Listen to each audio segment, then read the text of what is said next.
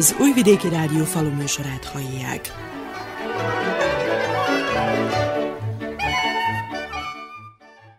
Tisztelettel köszöntöm a faluműsor hallgatóit, a mikrofonnál Juhász Andrea szerkesztő.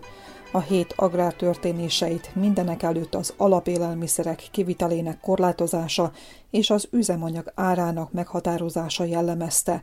A harmadik hete tartó orosz-ukrán válság mély nyomot hagyott a világpiaci mozgásokban, így Szerbiát sem kerülheti el akár az infláció, akár a korlátozás. Annak ellenére, hogy az államfő és a miniszterek azt hangoztatják, hogy az ország szükségleteinek kielégítésére van elegendő alapélelmiszer, elővigyázatosnak kell lenni, és a tartalékokat még akkor is, ha magasan tetőznek a terményárak, nem szabad komoly vizsgálatok nélkül elengedni. Az aratásig még van pár hónap, és amint az lenni szokott, a tavaszi időjárás határozza meg a búzahozamot. A nagyobb gondot inkább az európai műtrágyagyárak leállása, a nitrogén tartalmú műtrágyák hiánya és a magas gáz ár jelenti. Bicskei Ákos, a Magyarországi Genesis nitrogénművek szerbiai leányvállalatának, a Nitropetnek az ügyvezetője úgy véli, most rendkívüli helyzet uralkodik a piacon, és a jövőben szemléletváltás kell ahhoz, hogy az országban időben legyen kellő mennyiségű műtrágya. A bizonytalanság az, az nagyon nagy. Ez nem csak a nemrég kirobbant háború a, illetve az orosz-ukrán konfliktusnak az eredménye, hanem még a tavalyi évre tevődik vissza. Tavalyi évben történt meg először, hogy a szezon befejezése után, tehát a nyári hónapok elején, a nyári hónapok kezdetén a földgáz ára Európa, illetve világszinten az helyett, hogy csökkent volna, elkezdett emelkedni, és azóta folyamatosan tart.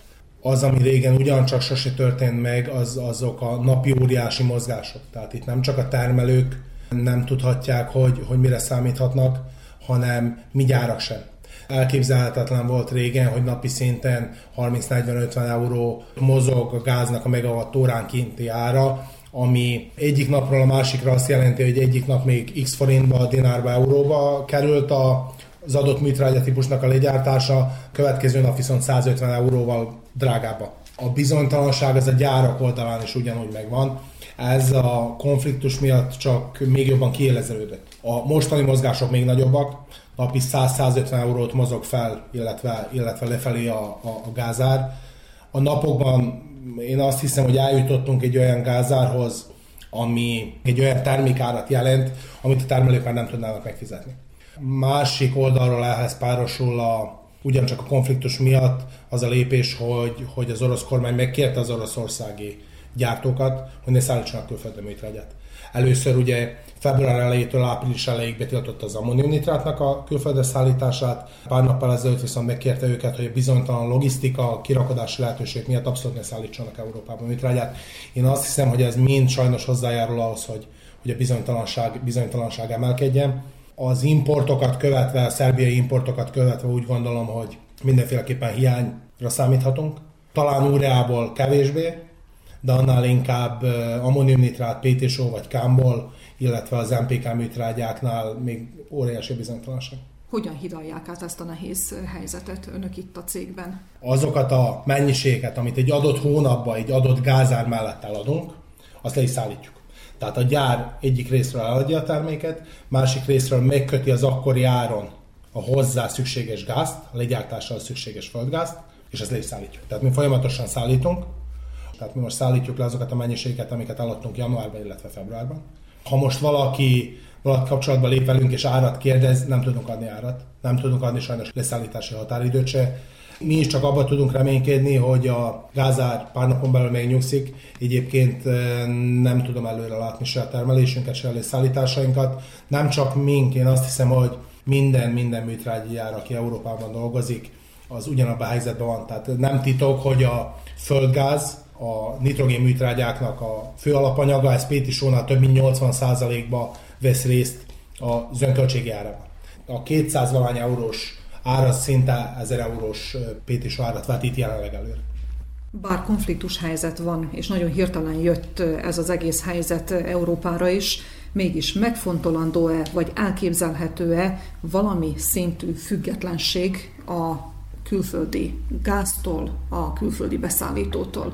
Létezik-e alternatív megoldás a nitrogén, illetve a műtrágyáknak a gyártásában? A nitrogén műtrágyákra nincsen alternatíva. Tehát a nitrogén műtrágyák gyártása, illetve felhasználása az jelenleg bizonyos becslések szerint a világ termelésének az 50%-át adja. Tehát 50%-kal lenne kevesebb buzánk, kukoricánk, valós alternatívája a nitrogénnek nincs, amik a gyártókapacitásokat illeti. Európa még a, ugye a, a pancsói műtrágyi gyár csődbe menetele után is megfelelő termelési kapacitásokkal rendelkezik, megfelelően nagy a verseny, akár a régióban, akár Európában ahhoz, hogy ezt, e, e, senki ne tudjon visszaélni. Tehát akár Szerbiában, akár a régióban mindig 5-6-10 importőr nagykereskedő hozza be az árut, és ők versenyeztetik. Tehát nincsen, nincsen monopól, nagy verseny van, és van elég áru. Az idei év az azért extrém, mert ezt a helyzetet a gázára senki nem tudta előre látni. Vagy veszünk piaci áron gázt, vagy nem veszünk. Ha nem veszünk, nem tudunk gyártani. Ha piaci áron veszünk, olyan padhelyzetbe kerülünk, hogy esetleg olyan áron gyártunk műtrágyát, ami nincs, aki megvegye vagy egyszerűen nem fizetődik ki.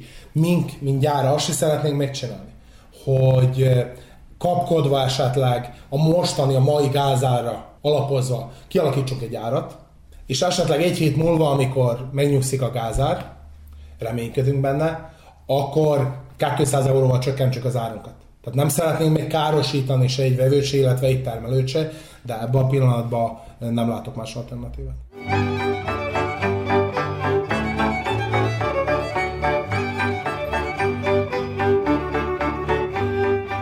Régen történt meg, hogy a tavaszi munkák kezdetén az agrárkifizetési ügynökség már utalta a hektáronkénti terület alapú támogatást.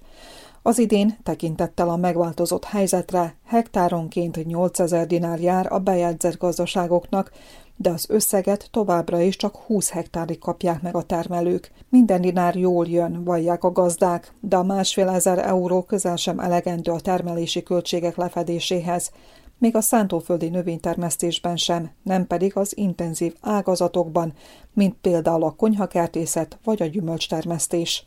A különböző gazdaszervezetek továbbra is a hektáronkénti 200 eurós támogatást kérik az agrártárcától, ám minden bizonyal ez a közeljövőben nem fog megvalósulni.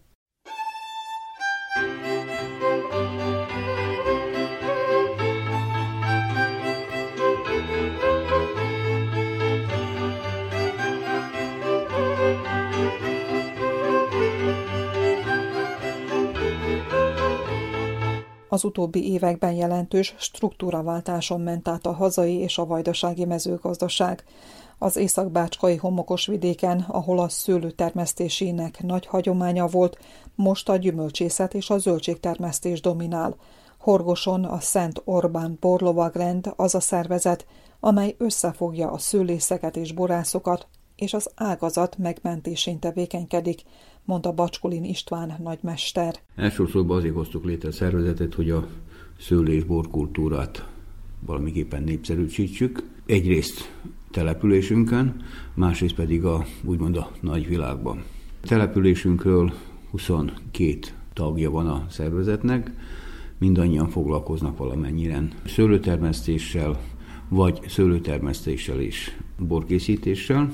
Nagyon sokan vannak olyanok, akik fiatalon kezdték a, szőlőtelepítést, de sokan vannak olyanok, akik családi kultúrából hozták át az örökségi tapasztalatokat, és valamiképpen a régi tapasztalatokat, az őseik tapasztalatát próbálják új technológiával övezve az új trendnek megfelelően készíteni a bor különlegességeiket maga a borlovagrend hogyan tud nekik ebben segíteni, esetleg képzések, szaktanácskozások, vagy pedig akár a szép időkben külföldi kirándulások megszervezésével?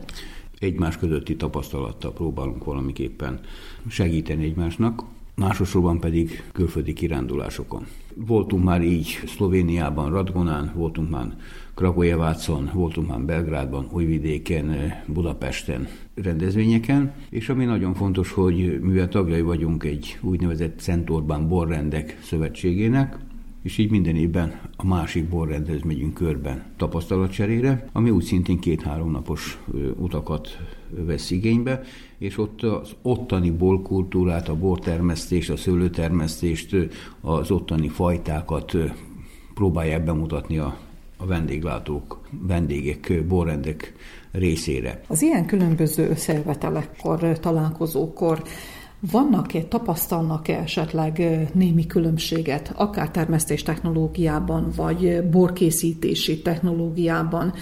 Hogyan értékeli Bacskulin István nagymester maga a borkultúra, milyen szinten van, akár Magyarországon, akár Romániában, akár mi nálunk? Én úgy gondolom, hogy ezek a tapasztalatot cserék megmutatják, hogy melyik nagy magyarországi területen hogy és miként művelik ezeket a borkultúrákat, szőlőtermesztéseket. Nagyon érdekes, amikor Horgoson minden éven megtartjuk a nagyhoni borversenyt. Nagyhoni borverseny azt jelenti, hogy valamikor mi egy nagy honba tartoztunk, és ez nagyon érdekes, mert amikor mondjuk olasz rizlinget vagy, vagy kabernét 1000-1500 kilométeres távolságból kóstolnak egy erdélyit, és hozzá kóstolnak egy koszovói orahovaci pincének a, a, ugyanaz a fajtáját, akkor nagyon nagy különbséget lehet benne észrevenni.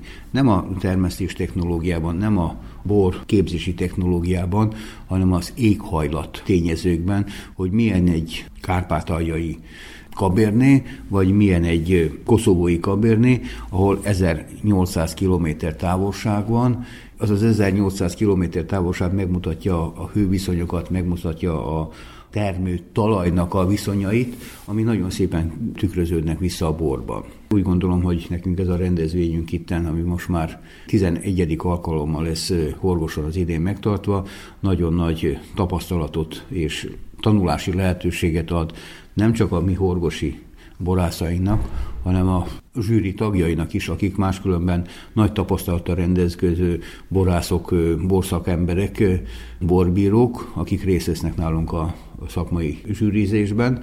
Ők is az nagy elismeréssel vannak ennek a rendezvénynek a megszervezésére, pont azért, mert 1000-1500-2000 kilométeres távlatból kóstolhatnak olyan borokat, amik más különben nem biztos, hogy asztalukra kerülnek. Beszélgetésünk elején éppen a borkultúra népszerűsítését, úgymond javítását emlegette a nagymester. Hogyan értékeli az elmúlt majdnem másfél évtizedben? Változott-e valamit a borkultúra, a borfogyasztás kultúrája vidékünkön? A borkultúra az mindenféleképp változik, elsősorban attól függ, hogy minek mennyi az ára. Hogyha megnézzük azokat a tényezőket, hogy mekkora az egyfőre első pálinka, bor, sör, üdítő, más italoknak a fogyasztása, akkor lehetett látni egy fölívelő, leívelő, fölívelő vonalat sör javára. De hogyha megnézzük, hogy milyen időszakban mérik ezeket, akkor nyáron nagyon fölújik a sörfogyasztás, ősszel, télen, tavasszal kora nyárig, meg a borfogyasztás emelkedik. És nem csak a borfogyasztás, hanem a, emelkedik is az úgynevezett pritzernek a fogyasztása is, a, a szódával kevert bornak a fogyasztása is, mert ezeken a tájakon tudni kell, hogy azért az Alföldön, Magyarországon, a Nagy Magyarországon fröccs az mindig hagyományos ital volt a téli disznóvágásos időkben, mert az emberek sokat ettek, zsírosat ettek, és mellé, hogyha fröccsöt ittak, akkor az nem ülte meg a gyomrukat. Hogyan tovább? Milyenek a jövőbeni célkitűzések? Mit szeretnének még jobban tökéletesíteni? Hát mi azt szeretnénk, hogy ez a kis szervezetünk, amit említettem, 22 taggal rendelkezik, bővüljön, mi lassan kezdünk már kiöregedni, és fiatalok jöjjönek helyettünk. Sajnos a jelenlegi geopolitikai helyzet nagyon nagy elszívó erője van térségünkből, nagyon kevés fiatal marad itthon, de akik itthon maradnak, reméljük, hogy közülük is majd lesznek olyanok, akik próbálják majd az ősi úgynevezett borkultúrát, szőlőtermesztés valamiképpen művelni, de hogy szükséges az is, hogy ez az állam, amiben élünk, a Szerbia, a tartomány valamivel jobban támogassa a bortermelőket, szőlőtermesztőket, telepítéseket és magát a borászatra, szőlőtermesztésre vonatkozó jogszabályokat.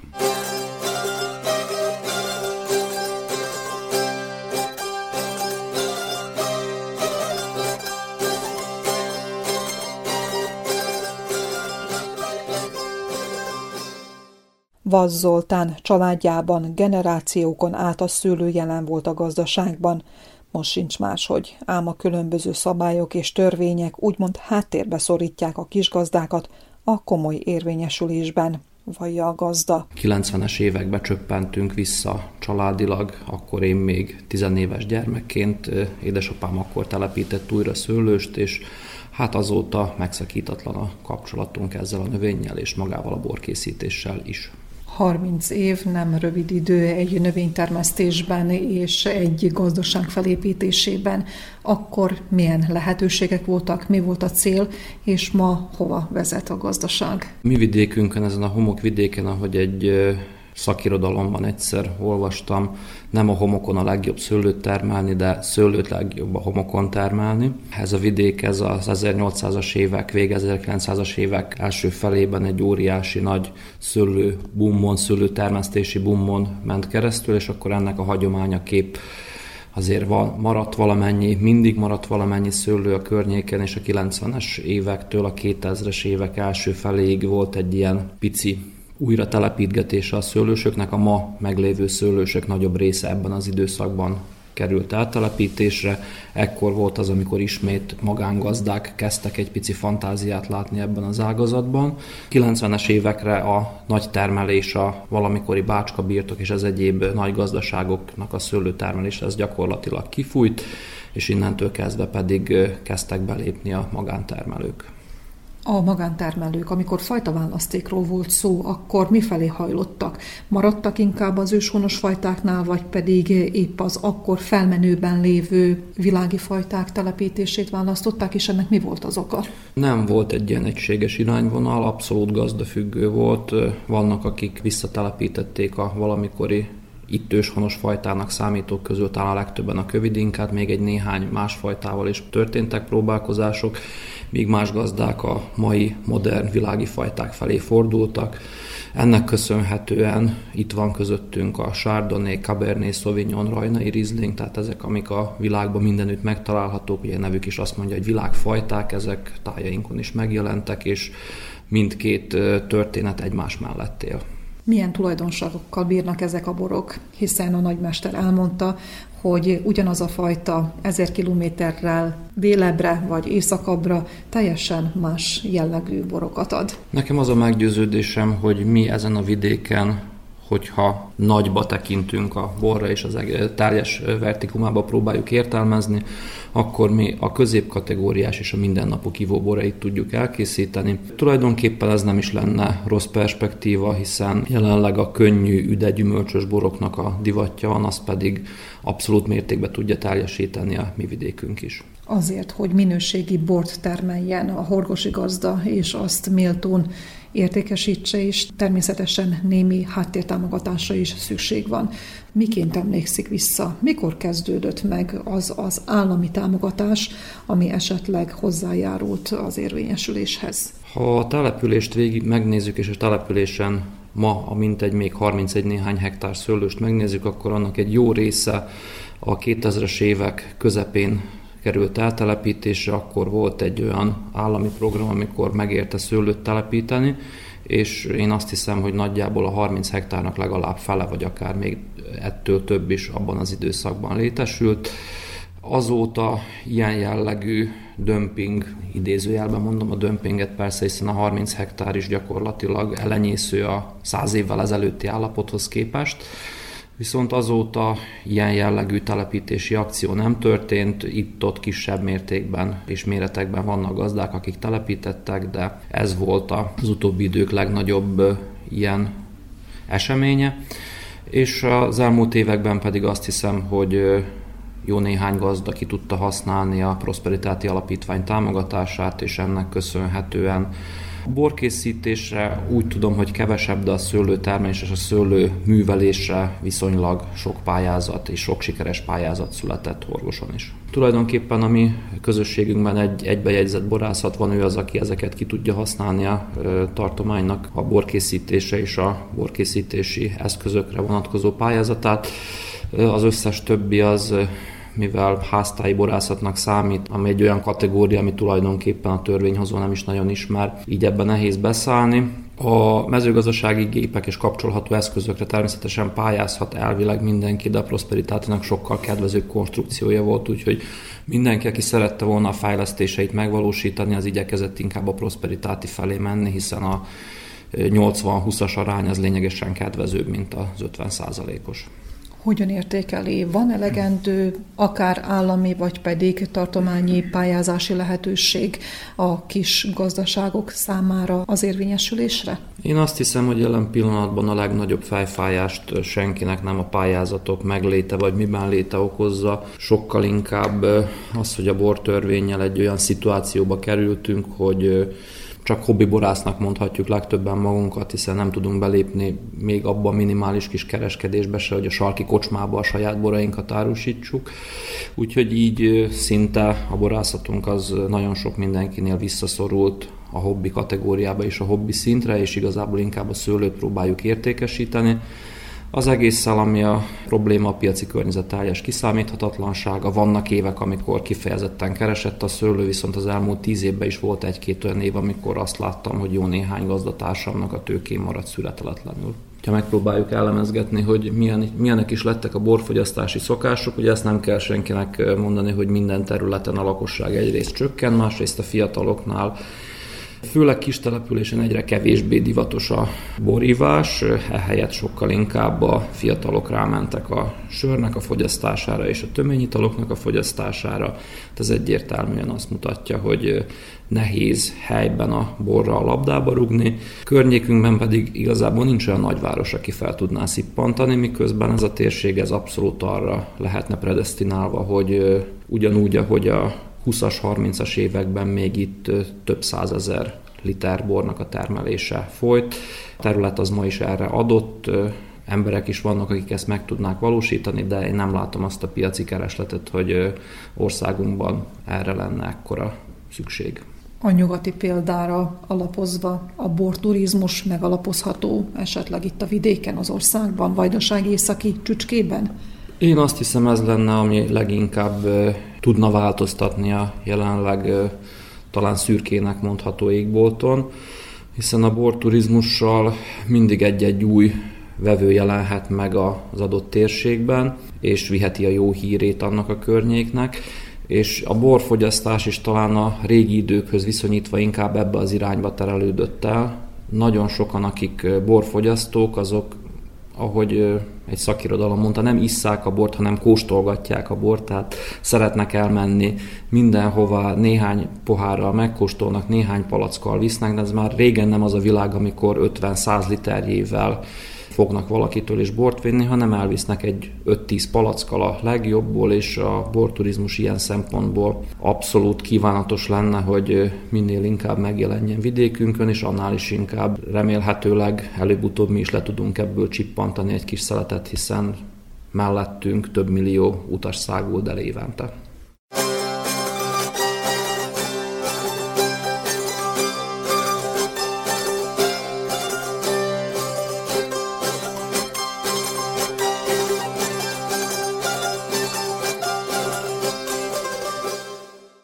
Bíró Nándor öt évtizede szőlészkedik és borászkodik. Nagyapjától tanulta el a szakma fortéjait. Alátámasztja, hogy a háziból értékesítésének lehetősége korlátozott. Tudjuk, hogy mink a homokházi kis térséghez tartozunk, tehát főleg homokos terület van Horgoson, ami telepítés muszáj volt megcsinálniuk az embereknek, mert ez itt sivatag volt, gondolom, homokhát, ez nagyon barlag volt, és ennek a homoknak a vándorlását úgy tudták megakadályozni, hogy ilyen bokhátművelési szőlőt telepítettek az emberek. Persze még arra is ügyeltek, hogy a szélnek ellenálljanak, keresztbe tegyenek, úgy alakították ki a sorokat, és így meg tudták őrizni a homoknak a vándorlását, úgyhogy nagyon okosan dolgoztak, hát régi fajta szőlőket telepítettek, mert az időjárás akkor olyan volt, hogy muszáj volt a szőlőket betakarni. Főleg kövidinkát termeltek, rizlinget, ezerjót, a vörös szőlők közül pedig a kadárt, ugyan a kadárka, ami nagyon híres zenében is jelen van, Csak az a helyzet, hogy abból is volt több fajta, tehát volt bíborkadár, nemes kadár, tehát ezek az emberek már abban az időben is szelektálták és tudták termelni nagyon minőségi borokat. Utána volt még az Oporto, volt Kisburgundi, Nagyburgundi, amiket én valójában ismertem is. Tatám által ugyanis ő neki a szőlőbe ez mind jelen volt. És hogyha a jelenbe ugrunk, akkor ezek a fajták már csak az emlékezetben vannak, vagy pedig esetleg található még Horgos környékén? Természetesen található még Horgos környékén, persze nagyon kis mennyiségben, meg át vannak fajoztatva, ami tudjuk, hogy a nagy mennyiségre törekedtek az emberek, meg a szépségre, de viszont ez mind-mind-mind a minőség kárára ment. Tehát vannak itt kövidinkák, meg vertelénik, mit tudom, de ezek nem a régi fajták. A régi fajtákat mind megsemmisítettük tulajdonképpen, mert a kereslet véget nagyobb mennyiségre törekedtünk, hogy legyen jövedelmünk is, de viszont a minőség az messze menőleg nincs. Ugyanis abban az időben már még a Habsburgokhoz is szállítottak szőlőt, és bort, mert annyira nagyon elismert borokat termelt horgos. Hogyan értékeli? Abba az időben, vagy most könnyebb a szőlészkedés, borászkodás? Már átértünk erre a gépművelésre, akkor ez szerintem egyedi nagy problémánk nekünk a munkaerőhiány. Nagyon fontos volna a meccésnél, meg a szüretelésnél a személyzet, de nagyon kevés van, vagy esetleg elég jó áron jönnek, tehát nagy az órabér. Az rendben van, hogy támogattak bennünket, de hiába törekszünk a nagy mennyiségű szőlőre, vagyis a minőségi szőlőre, se minőségileg, se mennyiségileg nem vásárolják föl tőlünk, úgyhogy rá vagyunk kényszerítve, vagy magunk közt el tudjuk adni, vagy pedig átadni a szőlőnket többi barátainknak, akik nem termelnek kismértékben, ami a háztájra szükséges borokat, azt még meg, megcsináljuk magunknak, amivel ugye szeretetbűt eljátszogatunk vele, megyünk egymás borait megpróbálni, ugye, mivel hogy benne vagyunk ez a borlovagrendi tagként így megyünk külföldre is, meg magába, itt Szerbiába és Magyarországon próbálgatjuk ugyanezeket a borokat, hogy náluk milyen, mit tudom, a minőségre törekszünk, meg a jó kedvre. Többletet meg általában főzzük itt pálinkának, mit tudom de viszont annak is annak is nincsen meg a, az úgynevezett keresete, azt is mind maszek alapon sutymugyba áruljuk, szóval ez nem, nem nagyon megoldás, de hát általában most Szerbiában minden így megy az elmúlt években, az elmúlt évtizedekben a borászkodás alatt milyen tapasztalatokat szerzett? Csak fajta borokat készített, vagy pedig esetleg próbálkozott a házasítással is? Hát nagyon sokáig nem hittem ebbe a házasításba, mert itten faluhelyen főleg mindig az volt, hogy nem érzi, hogy ez tiszta kövidinka, vagy főleg a vörösboroknál, hogy ez ilyen, akkor ma azt mondja, ez már kutyúja, ez már csináljuk, hogy nem mertem nagyon sokáig ezzel foglalkozni. Tehát van hétfajta szőlőm és ugyanannyi fajta borom. Történt az, hogy az egyik hordóból is elfogyott fel, meg a másikból is, például a vörösbornál, és a merlót meg a kabernetet összekevertem, hát fantasztikus egy bort kaptam belőle, és azóta most már, sőt már attól messzebb megyek már, nem csak ezt a kétfajta bort házasítom, hanem többet is, és akkor persze ahhoz megint egy, egy ki, kialakult érzékszerv kell, hogy azok hogy tudja érezni azokat az ízeket, ami mondjuk a Pinot Noirba, vagy a Cabernet, vagy a Merlotban van. 50 éve szülészkedik és borászkodik, a tapasztalatot tapasztalatra halmozta. Mégis van-e még mit megtanulni, van-e még mit kikísérletezni? Hát, persze, hogy van, mert még, még vannak elképzeléseim is palackozásban, amit ugye tévéből, internetből látunk, hogy 30 éves, 50 éves, hát én nekem is van olyan, de viszont ez nem jött össze, úgyhogy ezt főbontok egy több éves bort, annak aztán nem olyan az íze, amilyet elképzeltem. És ennek szeretném megtudni pontosabban, hogy hogy működik. Olvasok utána, és látom, hogy dugó minőség, a hőmérséklet, az átdugózás, mert ez a dugó csak két évig jó, meg újrafejtés, meg. Szóval ez egy kicsit bonyolult, de ahogy már most megidősödtem valamennyi, így már most hát ha még oda is eljutok, hogy ezeket kikísérletezzem, vagy megtanuljam. Hogy az utókornak hagyjak az unokáknak, mert ezek is szerintem csak borívók lesznek, nem sör.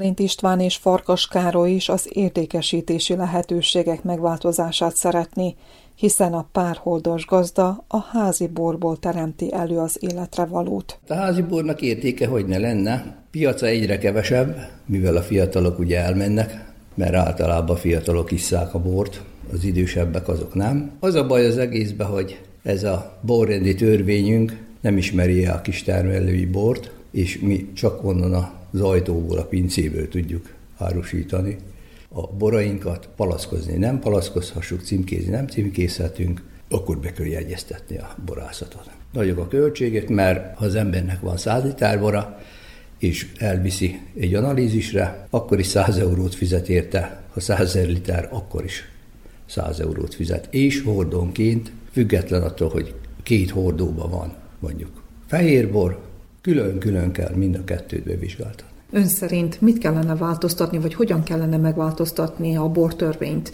hogy a kis házi borkészítők is érvényesülhessenek? Legalább úgy, mint Magyarországon van, hogy ott elismerik az őstermelőt, a kistermelőt, meg van, hogy mennyi bort, mert ott azt hiszem meg vagy mennyi bort készíthet, tudja árusítani és nem büntetik meg, ha lepalackozza, se lecimkézi, és valahova elviszi borversenyre, vagy akárhova, de nálunk ez nem megy még. Van a Szerbiai Borrendek Szövetsége, hogy ők indítványozták-e már, én nem hallottam róla, hogy indítványozták volna, mert annak a mi borrendünk is tagja.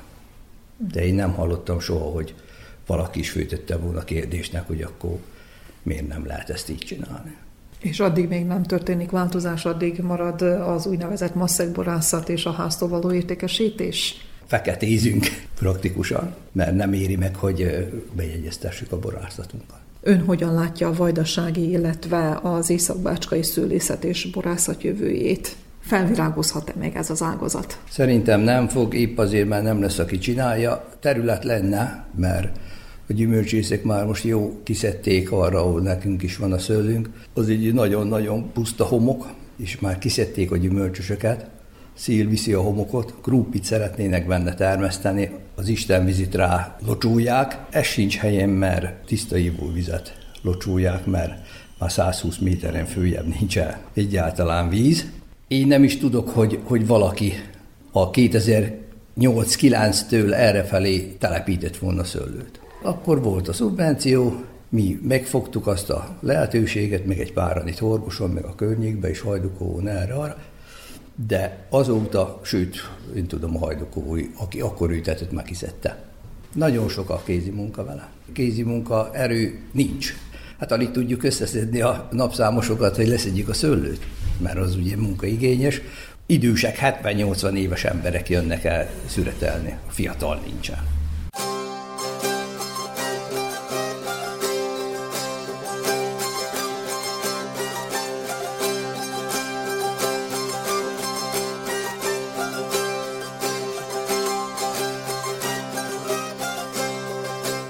Valamennyire érdeklődnek az emberek a házibor iránt is, de az van, hogy itten a törvények is egy kicsit olyanok, amilyenek, hogy nem volna szabad készíteni hivatalosan, mert a nagy gazdák úgy vették át a törvényt, hogy a kicsiket teljesen elnyomják. De viszont mi a hagyományos módon készítjük még mindig a borokat, és ezért mindig megvan ez a úgymond saját kereslet, a bejött vásárlóknak már. Nincsen földgyorsítva, nincsenek élesztők használva, még ilyen különleges adalékok.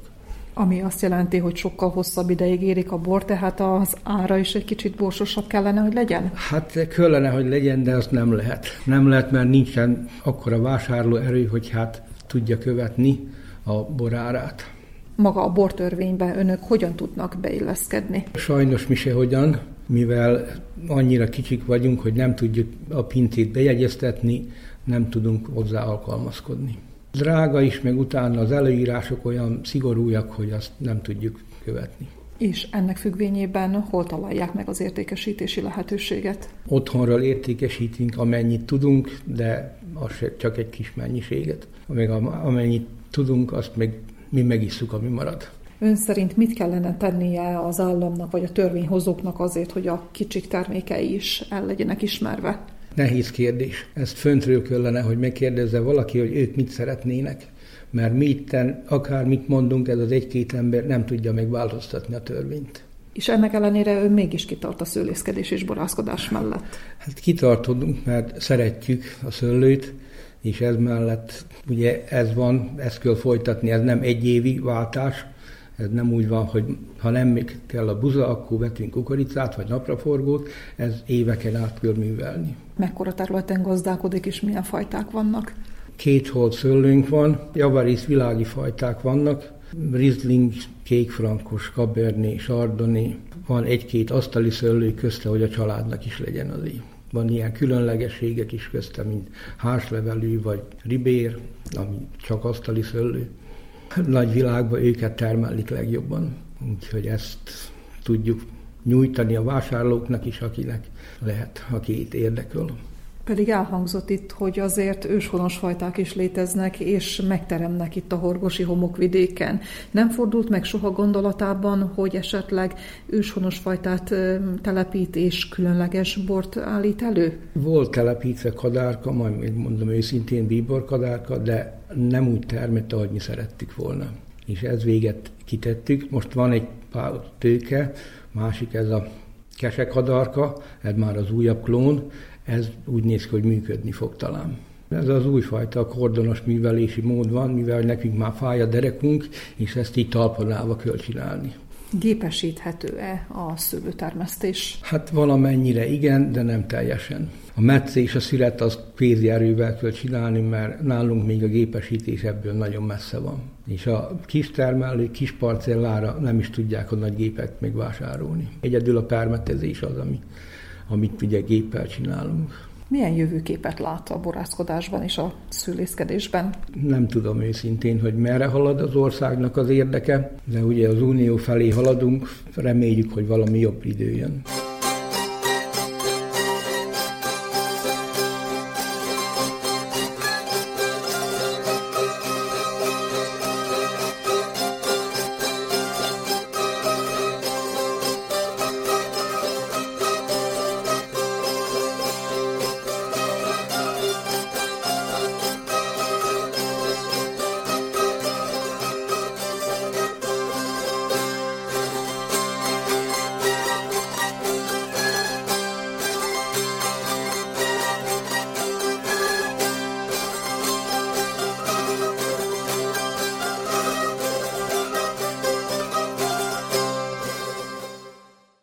Szent Orbán borlovagrend tagja Szalma Frigyes, aki egyike azok közül, akik csak eladásra termelik a szőlőt. Úgy véli, így könnyebb értékesíteni a termést, mert a borászathoz nagy beruházás szükséges. Én maradtam a szőlészetnél, telepítettem is már is saját magam új telepítést, a régeket kiszedtük, újakat telepítettünk, ez a kövidinka, meg ez a régi hagyományos bakhátas, még az enyém.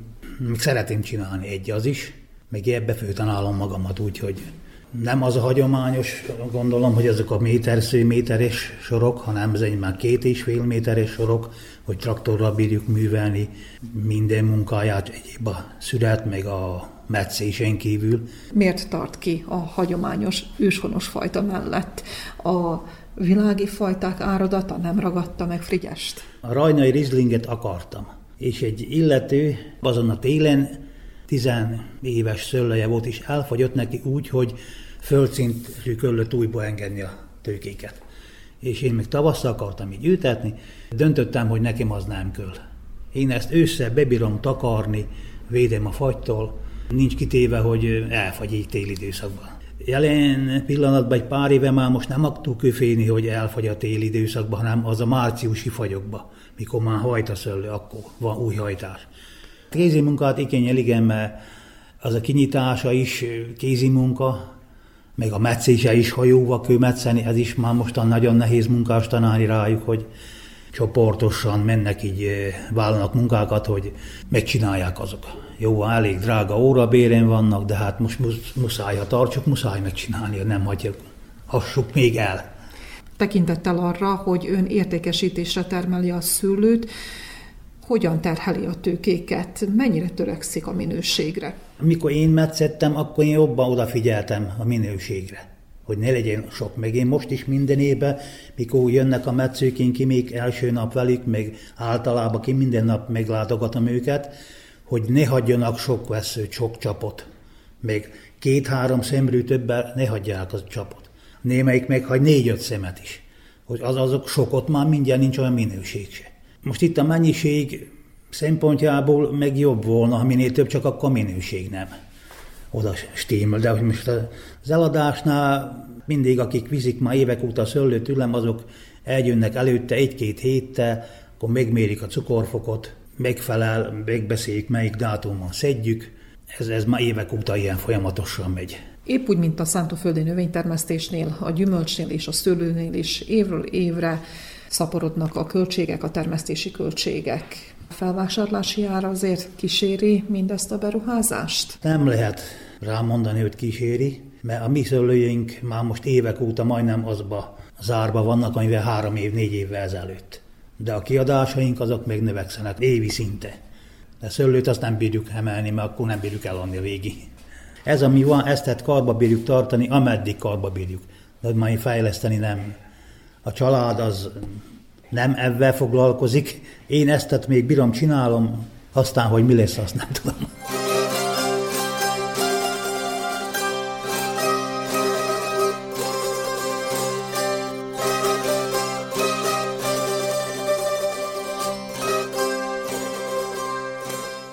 Zárószóként Gallus László agrárkommentárja következik. Valamennyien jól ismerjük a borban az igazság mondást, és a valamikor az Istenek italának nevezett nedőhöz több tucat bölcsesség kapcsolódik, mint például a jó bornak nem kell cégér, az okos embert is megtántorítja a bor, vénembernek bor az orvossága, és sorolhatnánk a végtelenségig. Még Petőfit is megihlette a bor, hiszen az Egy estém otthon című versében így ír – Borozgatánk apámmal ivott a jó öreg.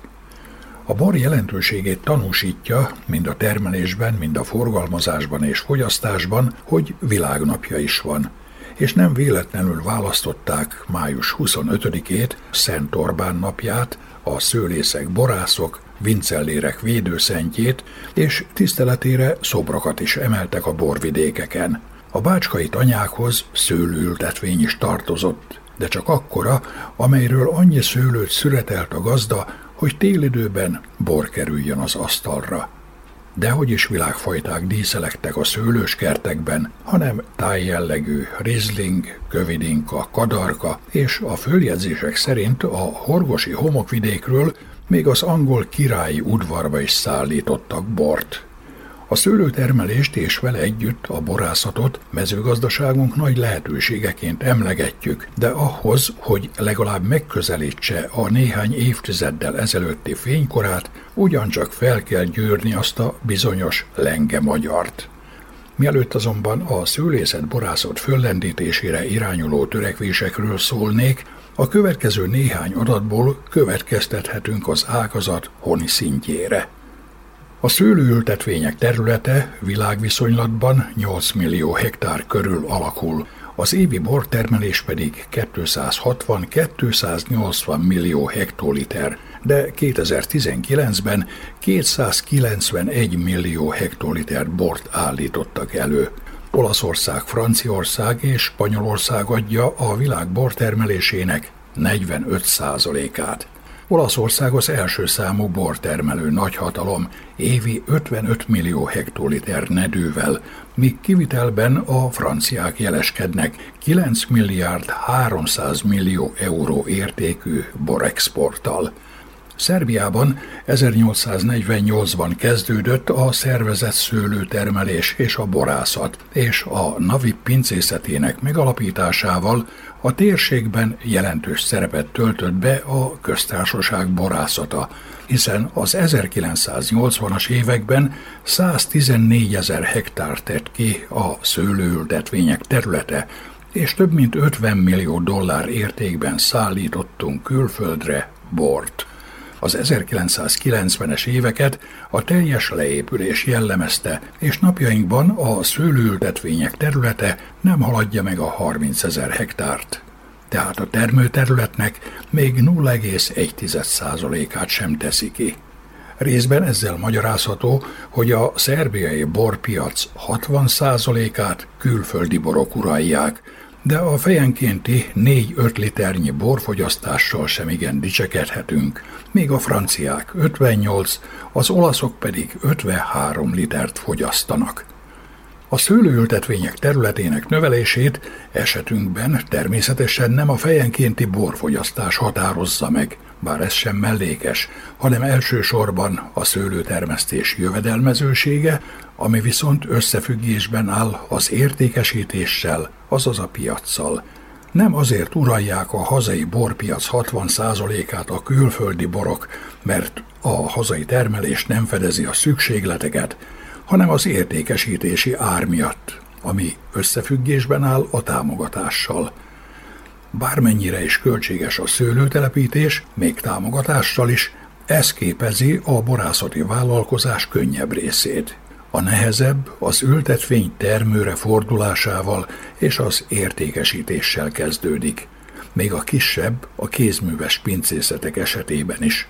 Az elmúlt években, mondhatjuk, hogy másfél évtizedben a szaktárca és a tartományi mezőgazdasági titkárság pályázatok, valamint a Vajdasági Mezőgazdaság Fejlesztési Alap kedvező agrárhételek révén jelentős eszközöket biztosított korszerű ültetvényekre, pincészetek felszerelésére, a Szőlészek és Borászok Szerbiai Szövetsége kezdeményezésére elfogadták a szőlő és bortermelés föllendítésére irányuló tervet a 2021 és 2031 közötti időszakra, 2019 óta pedig hatályban van a bortörvény. Szerbia borszőlő termelésére alkalmas körzetekben bővelkedik, tehát adott az alap a fejlesztéshez, csak piacot kell találni borainknak.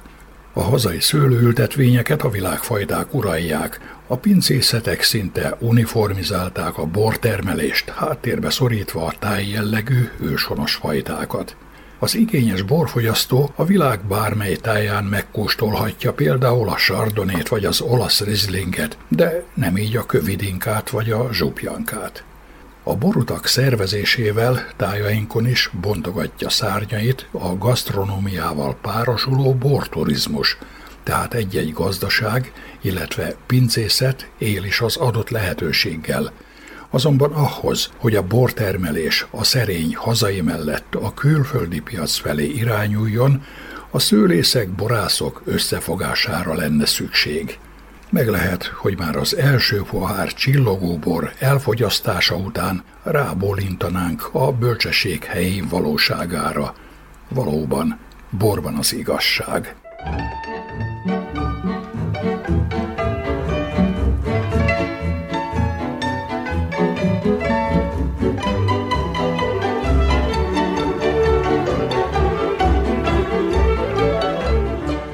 Kedves hallgatóink, faluműsorunkat sugároztuk. A munkatársak nevében is elköszön önöktől a szerkesztő Juhász Andrea.